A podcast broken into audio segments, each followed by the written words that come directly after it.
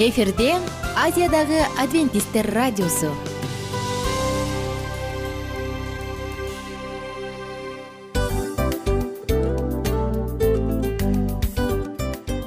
Достор салют. Баардык сүйүктүү угармандарыбызга салам айтабыз. Кутман күнүңүздөр менен. Ден соолук өмүрдүн булагы демекчи саламат саамы программасында баарыңыздарды көргөнүбүзгө абдан кубанычтабыз. Анда алгач амандашып өтөлү арбаңыздар деп. Ден соолугуңуздар кандай элибизде көбүнчө ден соолук кандай дегенде эле жакшы деп жооп беребиз э? ооруп турсак дагы жакшы дейбиз. Анан мен муну айтып ойлойт элем бул абдан сонун сөз депчи анткени бул жакшы деген үмүт да ооба баары жакшы болот. Баары сонун. Деп үмүттөнүп атып эле өзүбүздү өзүбүз дарылап коебуз. Анысы кандай? Сиздин дагы ден соолугуңуз жакшы беш деген үмүттөбүз чындыгында ден соолук бул өмүрдүн булагы деп бекеринен айтылган эмес деп ойлойм. Кыргыз элинде анткени эгерде ден соолук жок болсо анда адамдын жашоосунда калган баардык керектүү маңыздуу нерселер өзүнүн баалуулугун жоготуп коет. Ошондуктан ден соолук бул эң керектүү нерсе. Ооба туура айтасың кесиптешим. Чынында ден соолугуң жок бир эки үч күн ооруп калсаң эле э кандай болуп калат? Жашоодо көз каранды болуп каласың көп нерсеге жетишпей каласың көп нерсени кыла албай каласың жада калса эшикке дүкөнгө да чыга албай каласың. Туптуура анан ден соолук болсо демек биз биздин бактыбыз тоодой деп койсок болот. Анда достор саламат саамы рубрикабызды баштайлы. Алдыда өзүңүзгө керектүү болгон сонун кеңештерди уга аласыздар. Мына ошондуктан биз менен бирге болуңуздар. Ал эми биз болсо милан жана айнура. Кеттик алга. Алга саламат саама ден соолуктун жарчысы. Саламат саама ден соолуктун ачкычы. Күн сайын сиз үчүн мыкты кеңештер сонун жаңылыктар кызыктуу фактылар биздин рубрикада.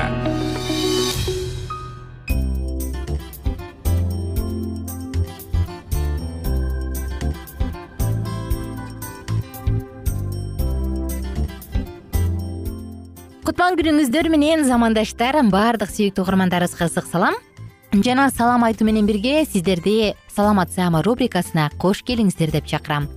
Достор бүгүнкү уктурууда дарыгерлер менен болгон маекте сонун маалыматтар айтылат. Жана мен ишенем бул маалыматтар сиздин жашооңузда чоң жардам тийгизет деп. Жагымдуу мүнөттөр бирге болсун биздин жыштыктан алыстабаңыздар радионун үнүн өктөмүрөөк чыгарып керек болсо кагаз калем сап алып керек болсо өзүңүздүн уюлдук телефондун диктофонун күйгүзүп алып жаздырып алганга дагы аракет кылыңыз анткени чындыгында бул сонун белек маалыматтар кымбат маалыматтар сиздер үчүн. Жагымдуу мүнөттөрдү бирге өткөрөлү эгерде ошондуктан мисалы эми кудай сактасын кандай кыздар барат э азыр жогоруда сиз айткандай эле секс кызматкерлери толтура мүмкүн бойдон алдырыш үчүн кош бойлук түзүш үчүн же дагы бир ким билет кандай орун менен кайрылат экенинчи. Ошондуктан ар бир адам өзү үчүн жоопкерчиликти болуп талап койгонду билсе бул нерсени азыр айтканга болот. Биз жогуу жолдоруна токтолдук. Бир сыйра. Кийинки кезекте ошо сиз айта кетпедиңизби азыр бизде эң эле көп көрсөткүч бул жыныстык жол аркылуу жугуу болуп атат биринчи орунда туруп атат депчи. Канча жаштан канча жашка чейинкилер анан мунун себеби эмнеде болуп атат? Биринчиден ошо жыйырма жаштан отуз тогуз жашка чейинкилердин арасында бүгүнкү күнү алтымыш жети процент түшүп атат жалпы катталгандан алтымыш жети процент түшүп атат бунун негизги себеби жаштардын өзүнүн ден соолугуна кайдыгер мамиле кылгандыгы мисалы билип турат инфекция бар экенин азыр жаштар интернетти ачса эле баары бүт барып атат э кандай жол менен жугат кандай сактаныш керек. Бирок баягы наркозатын пайдаланып алышат. Арак ичип алгандан кийин без презерватива тынчтык капташка баратпайбы ошолор ошондой учурлар көп болуп атат. Мисалы кээде болуп калат жаш балдар келип калат мындай э, эки үч күн болду эле кыздар менен компанияга барып э, бир презерватив жок жаттык эле бизди текшерип бергиле дегендер көп. Түшүндүрүштөн айтасың айтсаң деле баягы жоопкерчиликсиз мамиле ошонун негизинде гана көбөйүп атат жакшы. Демек адеп ахлактуулуктун жоктугу э мен дагы көрөрмандарыбызга досторубузга кайрыла кетейин. Эгерде сизде суроо бар болсо анда бизге ылдый жакка комментарий жазыңыз. Буюрса алдыда сөзсүз түрдө жооп беребиз. Жугуу жолдору жөнүндө сөз кылган соң анда белгилери жөнүндө э вич менен ооруган адамда белги болобу кандай белгилер болот? Белгилери эми ал ар бир адамдын иммунитетине жараша болот да. Эгер эч кандай оору менен оорубай ден соолугу таза кишилер болсо буларда симптомдор көпкө чейин билинбей жүрө берет. Бир жылга чейин бир жыл кээде беш жыл же он жылга чейин жүрөт. Ошону айтат да бул эң коркунучтуу контингенттер. Өзүн ооруп атканын билбей башкаларга жукура баштайт да. Эми иммунитети слабый ар кайсы оору менен ооруп жүргөн кишилер болсо өнөкөт оорулар көп болсо алардын симптомдору бир айга чейин бир айдан кийин эле бат эле билине баштайт да. Анан кийин баягы көп кишилер э, ооруп атса деле бизде кыргызстанда билесиз да көпкө чейин эле жүрө беребиз жүрө беребиз баягы өлөйүн деп калганда барабыз жеткенип калганда барышат. Анан көпчүлүгү кээде последний терминальный стадия деп коет жанагы спид стадиясында эметип аныкталып калышат. Анан азыр бизде вич менен ооругандардын көбү туберкулез менен ооруйт ко инфекция деп коебуз. Гепатит бс менен ооругандар бар ошондой учурда кечирээк кайрылганда кичине кыйыныраак болуп калат да. Анан э, баягы перечень бар мизеравдын приказынын негизинде ар бир э, саламаттык сактоо уюмунда приказдын баары колуна берилген баардыгы окутулган баардык тааныш кайсы контингенттер вичке текшерилет ошол перечень бар да. Мисалы э, приемго наркоман келсе же венерический оорулуу келсе сифилис гонорея трихомониясы жана башка толгон оорулар бар да ошолор келсе медициналык кызматкерлер өзүлөрү да текшерилет. Боюнда бар аялдар половой партнерлордо да анан кимдин өнөкөт баягы узакка созулган көпкө чейин айыкпаган оорулар болсо врачтар билет да. Коркунучтуу дагы адамдар ошолорду вичке текшерип анализ алып бизге жиберип турушат да анан ошондо иммунитети начар адам деп коелу э же кандайдыр бир өнөкөт оорусу бар адамда спид же ой вичти жугузуп алгандан кийин кандай белгилер болот? Ал эмнеден улам ушул кой биринчи белгилери бир айдан ашык ич өтөт. Мисалы башка башка бир ооруларда мисалы дизентерия болуп калабы же кичине отравление болуп калса дарысын ичсе сразу эле басылат да мында көпкө чейин бир айга чейин басылбайт бир айдан ашык температура болот. Анан бир айдан ашык баягы лимфа узелдери чоңоет анан эме ар кайсы кишилердин эле любой кишинин эле лимфа узелдери чоңоюп атса мойнундагы такымдагы колтугундагы бездери чоңоюп атса сөзсүз врачка кайрылат да.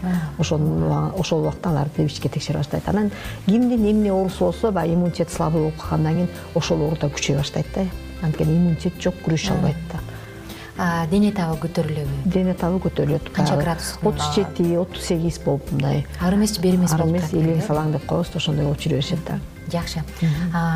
Ушул спид жөнүндө сөз кылып атып иммунитети начар адам жугузуп алса вич менен ооруганын качан байкала баштайт? Бул баягы инкубационный период деп коет эмеспизби жашыруун мөөнөтү. Канча убакыт болот жугузуп алгандан кийин. жанагы айтпадымбы ар кимдин организмине жараша болот иммунитетине жараша болот депчи. Айтып атпаймынбы кээ бирөөнүкү сразу бир айдан кийин эле симптомдору билине баштайт. Жанагы ошол учурда ал башка адамдарга жугуза береби? жуктура берет. Вирус вирусту өзү жуктуруп алгандан кийин дарыланбагандан кийин ал башка кишилерге жуктура берет. Бул вирустун эң бир э, касиети айтпадымбы э адамдын гана организминде жашай турган вирус. Ал организмге киргенден кийин иммунитет чыгарган клеткаларын жабышат. Алардын ичине кирет аябай көбөйө баштайт көбөйүп беш бир вирустан беш миңге жакын окумуштуулардын айтканы боюнча беш миңге жакын провирус чыгат да эми баласы деп койсок болот да жаңы. Андан кийин бул бир эле вирус кирбейт да миңдеген миллиондогон вирус кирет да ал пока иммунный клеткалардын баарын жабыркатып анан иммунитет такыр болбой калып анан жанагы симптомдордун баары чыга баштайт да. Анан эми биздин жанагы антиретровирустук препараттар деп атпайбызбы мурда дары жок кезде ооругандар каза болуп калчу да. Азыркы кезде бул антиретровирусный препараттар организмге кирген вирустун кыймыл аракетин азайтат. Ошон үчүн ал жаңы иммунный клеткаларга жабышпай калат дагы көбөйбөйт. Анан кийин башка адамдарга жуктурбай калат. Достор жогоруда айтылгандай эле эң сонун маалыматтар биздин ден соолугубузду коргоо үчүн бүгүнкү күндө бар. Канчалык маалымдар болсоң ошончолук куралданган болот эмессиңби мына ошондуктан бүгүнкү айтылган маалыматтар дагы жашооңузга чоң таасирин берип жардамын берип сизди ар кандай кырсыктан ден соолукту сакташ үчүн жаман нерселерден сактасын оорулардан дарттардан сактасын адамдын биринчи байлыгы ден соолук. Адамга экинчи байлык ак жоолук керек. Бирок ак жоолук ден соолуксуз кызык мына ошондуктан сиздерге кааларыбыз албетте бекем ден соолук. Өзүңүздүн колуңуздагы байлыкты сактаңыз барктаңыз. Жана албетте бул үчүн болгон күрөшүңүздү жумшаңыз. Адам баягы жашоосунда колдон келишинче акча таап алып туруп анан кийин улгайып калган кезде баардык тапканын кайра өзүнүн ден соолугуна жумшагандан көрө мейли аз тапса дагы бирок оорубай жашоонун кубанычын татып жашаганга эмне жетсин? Ошондуктан ар бириңиздерге кааларым бекем ден соолук. Коштошобуз достор сиздер менен кийинки уктуруулардан кайрадан амандашканча бар болуңуздар.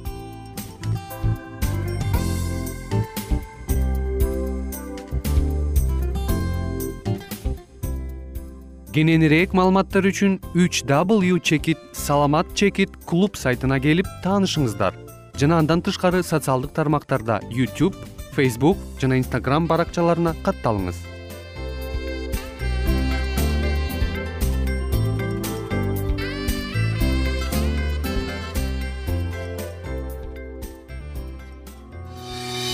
Саламат саама ден соолуктун жарчысы. Саламат саама ден соолуктун ачкычы. Күн сайын сиз үчүн мыкты кеңештер сонун жаңылыктар кызыктуу фактылар. Биздин рубрикада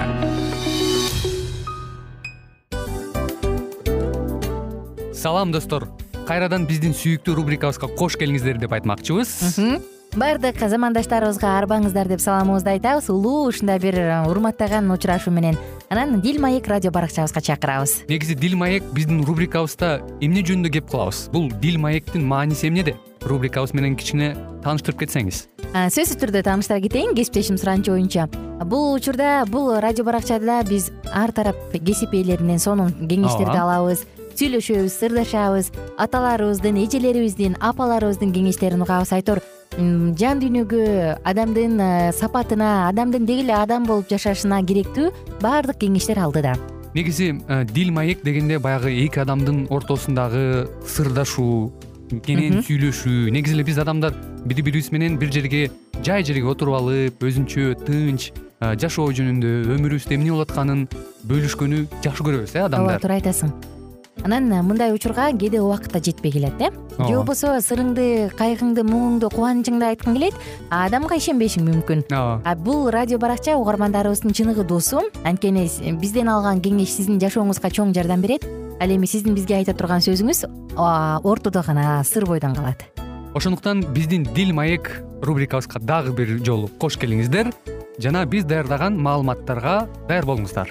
Айнура жана милан сиздер менен бирге алдыга кеттик ар түрдүү ардактуу кесип ээлеринен алтын сөздөр жүрөк ачышкан сыр чачышкан сонун маек. Дил маек рубрикасында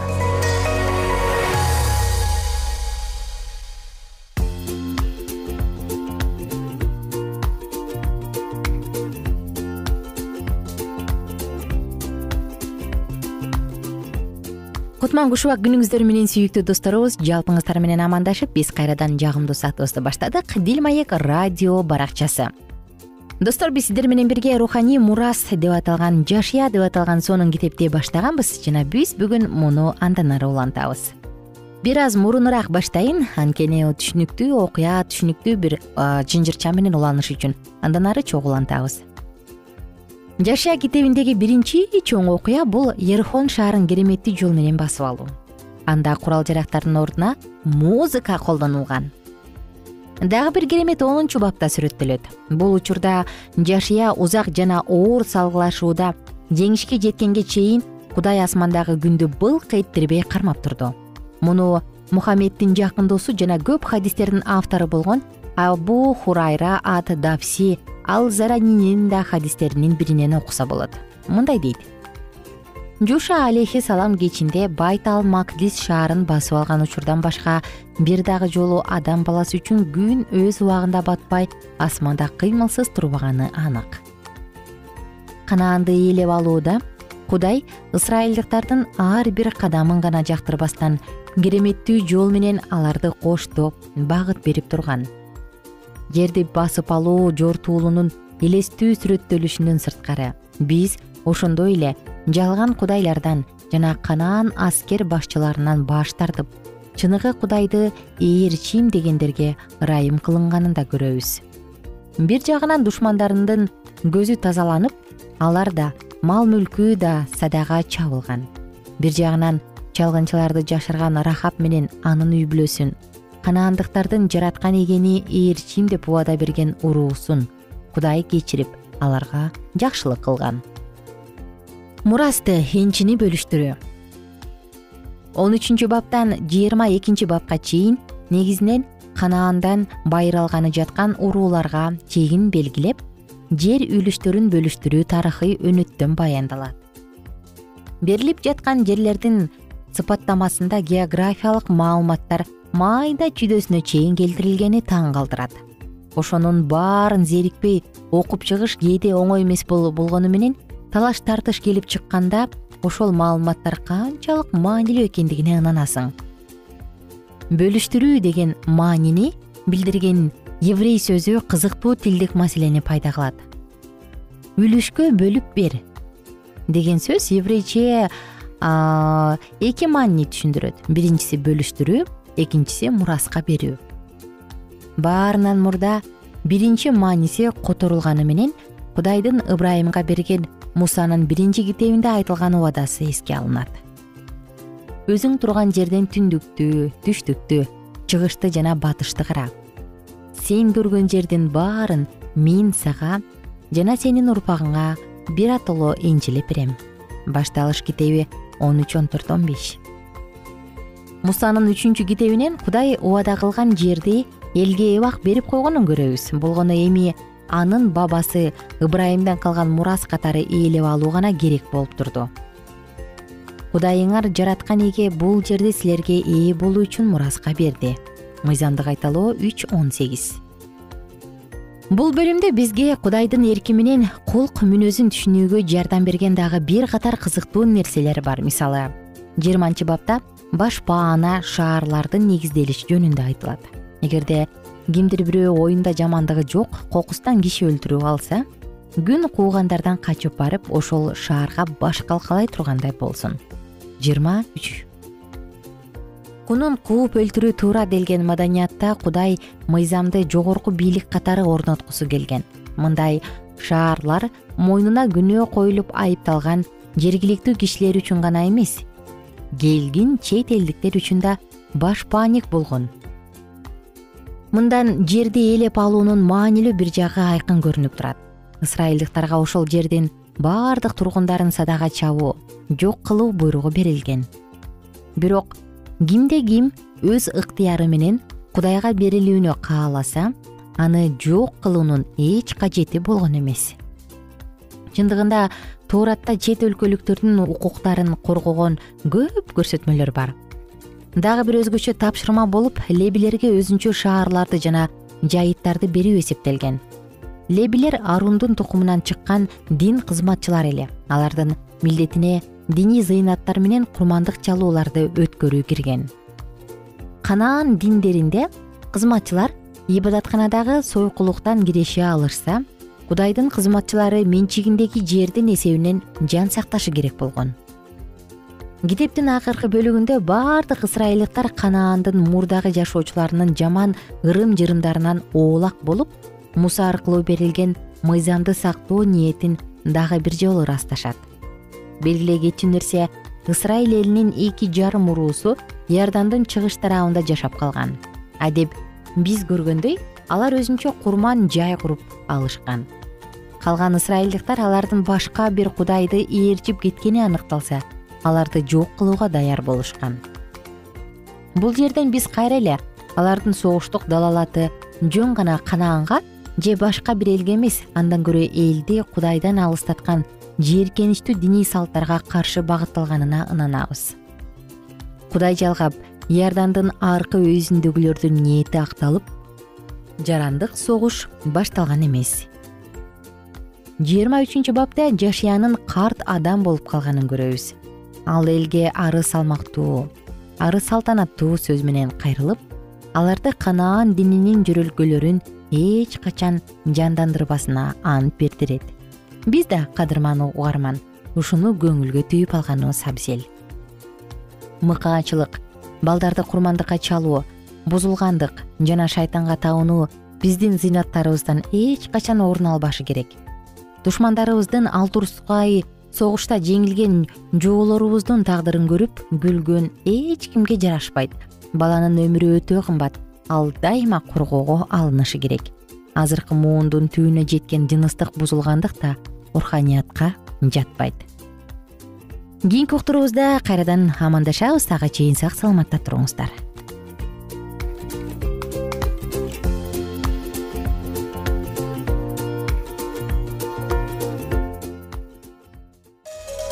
ар түрдүү ардактуу кесип ээлеринен алтын сөздөр жүрөк ачышкан сыр чачышкан сонун маек дил маек рубрикасында.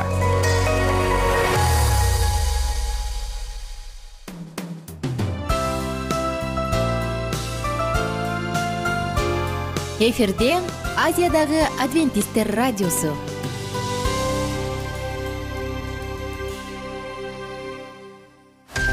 жан дүйнөңдү байыткан жүрөгүңдү азыктанткан жашооңо маңыз тартуулаган жан азык рубрикасы.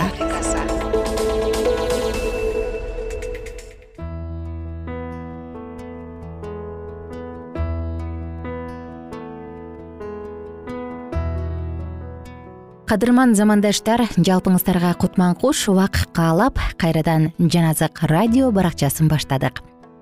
Саламатсыздарбы биздин сүйүктүү досторубуз. Сиздер менен бирге. Акыркы учур пайгамбарчылык китеби чындыкты ачып берүүчү аян китебинен дагы да болсо сонун чындыктарды сууруп чыгууга даярбыз. Инжил китебинин эң акыркы китеби бул аян китеби. Дал ушул китепте дүйнөнүн болочогу эмне болот? Дүйнөнү эмне күтүп турат? ушул тууралуу сонун чындыктарды айтып жатканбыз. Бир аз эске салсам биздин бул он жетинчи чыгарылышыбызда күкүрттүү көл деген теманын тегерегинде сөз кылып жатканбыз. Жана бул тема өзүнүн аты эле айтып тургандай тозок барбы тозок бар болсо ал качан пайда болгон? Кайдан пайда болгон? Тозок түбөлүктүүбү? Ал жака баргандар триллиондогон жылдар бою кыйналып күйүп турушабы? деген суроолордун тегерегинде биз бир аз болсо дагы ачып бергенбиз. Бүгүн болсо достор ушул теманы андан ары уланталы. Кудай адамдарга тандоо эркин берет. Ошондуктан ал кудай адамдардын тандоосун сыйлайт. Бирок алар кудайдан баш тартып сүйүүсүн каалашкан жок. Эгер алар күнөөгө берилген бойдон калышса анда аны менен чогуу кудайдын даңкынын алдында жок болушат. Библияда кудай күнөөкөрлөрдү жек көрүүсү жана бунт үчүн бир нече жылдар бою жазалайт деп айтылган эмес алгачкы жыйын таза ишеними менен буга ишенген. Забур китеби отуз алтынчы бап жыйырманчы аятты карасак. Ал эми кудайсыздар өлүшөт. Теңирдин душмандары козунун майындай жок болушат. Түтүндөй тарап кетет библияда тозоктун убактылуу табиятын айткан көптөгөн тексттер бар. Ана аны түбөлүктүү катары сүрөттөгөн тексттерчи түбөлүк өлүм же түбөлүк от деген сөз айкаштары колдонулганда библия кайсы маанини камтыган? Библия өзүнө өзү каршы болбойт. Биз аны толугу менен кабыл алабыз дагы кантип бири бирине байланыштуу керек экенин ойлонобуз. Муну түшүнүш үчүн машаяктын айкаш жыгачтагы өлүмүнө карата айтылган түбөлүк деген сөздүн колдонушуна көңүл бурсаңыз еврейлерге жазылган кат тогузунчу бап он экинчи аят. Текелердин торпоктордун каны менен эмес. Өз каны менен бир ирет ыйык жайга кирип бизге түбөлүк куткарылуу алып берди. Кандай куткарылуу? Түбөлүк куткарылуу. Бул ыйса дагы деле айкаш жыгачта керилип турат дегенди билдиреби ыйса азыркы учурда айкаш жыгачта эмес. Бирок ал айкашкан жыгачта жасаган нерсенин натыйжасы түбөлүктүү. Ушул китепте төмөнкүнү окуйбуз. Еврейлерге жазылган кат алтынчы бап экинчи аят. Чөмүлдүрүүлөр кол коюу өлгөндөрдүн тирилиши жана түбөлүк сот жөнүндөгү акыр заманда сот болот. Кудай сотту түбөлүк бою кылбайт. Бирок сот болот. Ошол соттун жыйынтыгынын түбөлүк натыйжасы болот. Куткарылуу менен соттун жыйынтыгы түбөлүк натыйжага ээ айкаш жыгачта болгон окуянын жыйынтыгы түбөлүктүү натыйжага ээ так ошондой эле. Кудай күнөөкөрлөрдү жок кылганда ал биротоло түбөлүк жок кылууну болот. Анын жыйынтыгы түбөлүк натыйжага ээ болот. Жүйүт да өзүнүн катында ушул суроону ушундай түшүнөрүн жазганын көрө алабыз. Токтой кетсек. Жүйүт биринчи бап жетинчи аят. Ошолорго окшоп бузуктукка бараткан жана бөлөк дененин артынан ээрчиген садом амур шаарлары жана алардын тегерегиндеги шаарлар. Башкаларга сабак болуш үчүн түбөлүк от жазасына тартылганын эскертким келет. Жүйүт садом менен аморду мисалга келтирди. Бул оттор кандай от менен өрттөлдү? Алар түбөлүк отту жазага алышты. Садом менен амор бүгүнкү күндө өрттөнүп жатабы? Жок бирок аларды түбөлүк от жалмап жок кылган. Эмнеге анткени ал оттун натыйжасы түбөлүктүү болчу. Ал от асмандан кудайдан түшүп зомбулукка толгон шаарларды жутту же өрттөдү. Түбөлүк от өзү менен түбөлүк натыйжаны же жыйынтыкты алып жүрөт. Ал оттун жалыны эмес а ошол кыймыл түбөлүк натыйжага ээ а анда түбөлүк жазачы матай китеби жыйырма бешинчи бап кырк беш кырк алтынчы аяттарга токтосок. Ал болсо аларга мындай деп жооп берет. Силерге чындыкты айтып коеюн менин бул кичине бир туугандарымдын бирине жакшылык кылбаганыңар мага кылбаганыңар. Булар түбөлүккө азап чегишет. Адил адамдар болсо түбөлүк өмүргө ээ болушат библия түбөлүккө созула турган жаза жөнүндө эмес а түбөлүк жаза жөнүндө айтат. Бул экөө бир эле нерсени түшүндүрбөйт. Сиз айырмасын көрүп жатасызбы? Библиянын эч бир жеринде түбөлүк созула турган жаза тууралуу айтылган эмес. Адамдарды түбөлүк жазалоо кудайдын табиятына таандык эмес кымбаттуу достор биз ушул темабызды кийинки жолугушууларда дагы ачып бергенге даярбыз. Бир гана сиз тараптан угуу керек. Мына ошондуктан жалпыңыздар менен убактылуу коштошобуз. Кийинки уктуруулардан кайрадан амандашып саатыбызды улантканча сак саламатта туруңуздар. Достор ар бириңиздердин жүрөгүңүздөрдө тынчтык уртуңуздарда жылмаюу дасторконуңузда нан жүрөгүңүздө сүйүнүч кубаныч бар болсун кайрадан амандашканча сак саламатта туруңуздар. Ар бириңиздерди жаратканыбыз жалгасын кийинки уктуруудан амандашканча.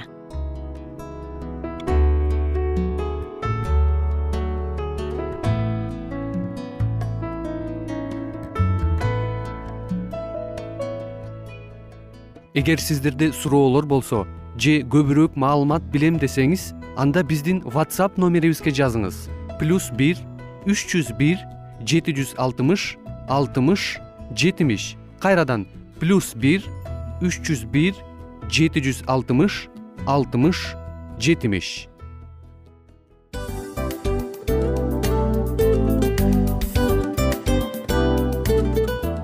Ушул менен достор программабыздын уктуруубуздун эң кайгылуу мөөнөтүнө келип жеттик кайгылуу дегенде ыйлагым келип кетти кесиптеш. Кадимкидей. Анткени баягы учурашасың анан коштошуу учур келгенде ии кантип ии эми бат баттан келиптир э сагындырбай деп атып араң коштошобуз го.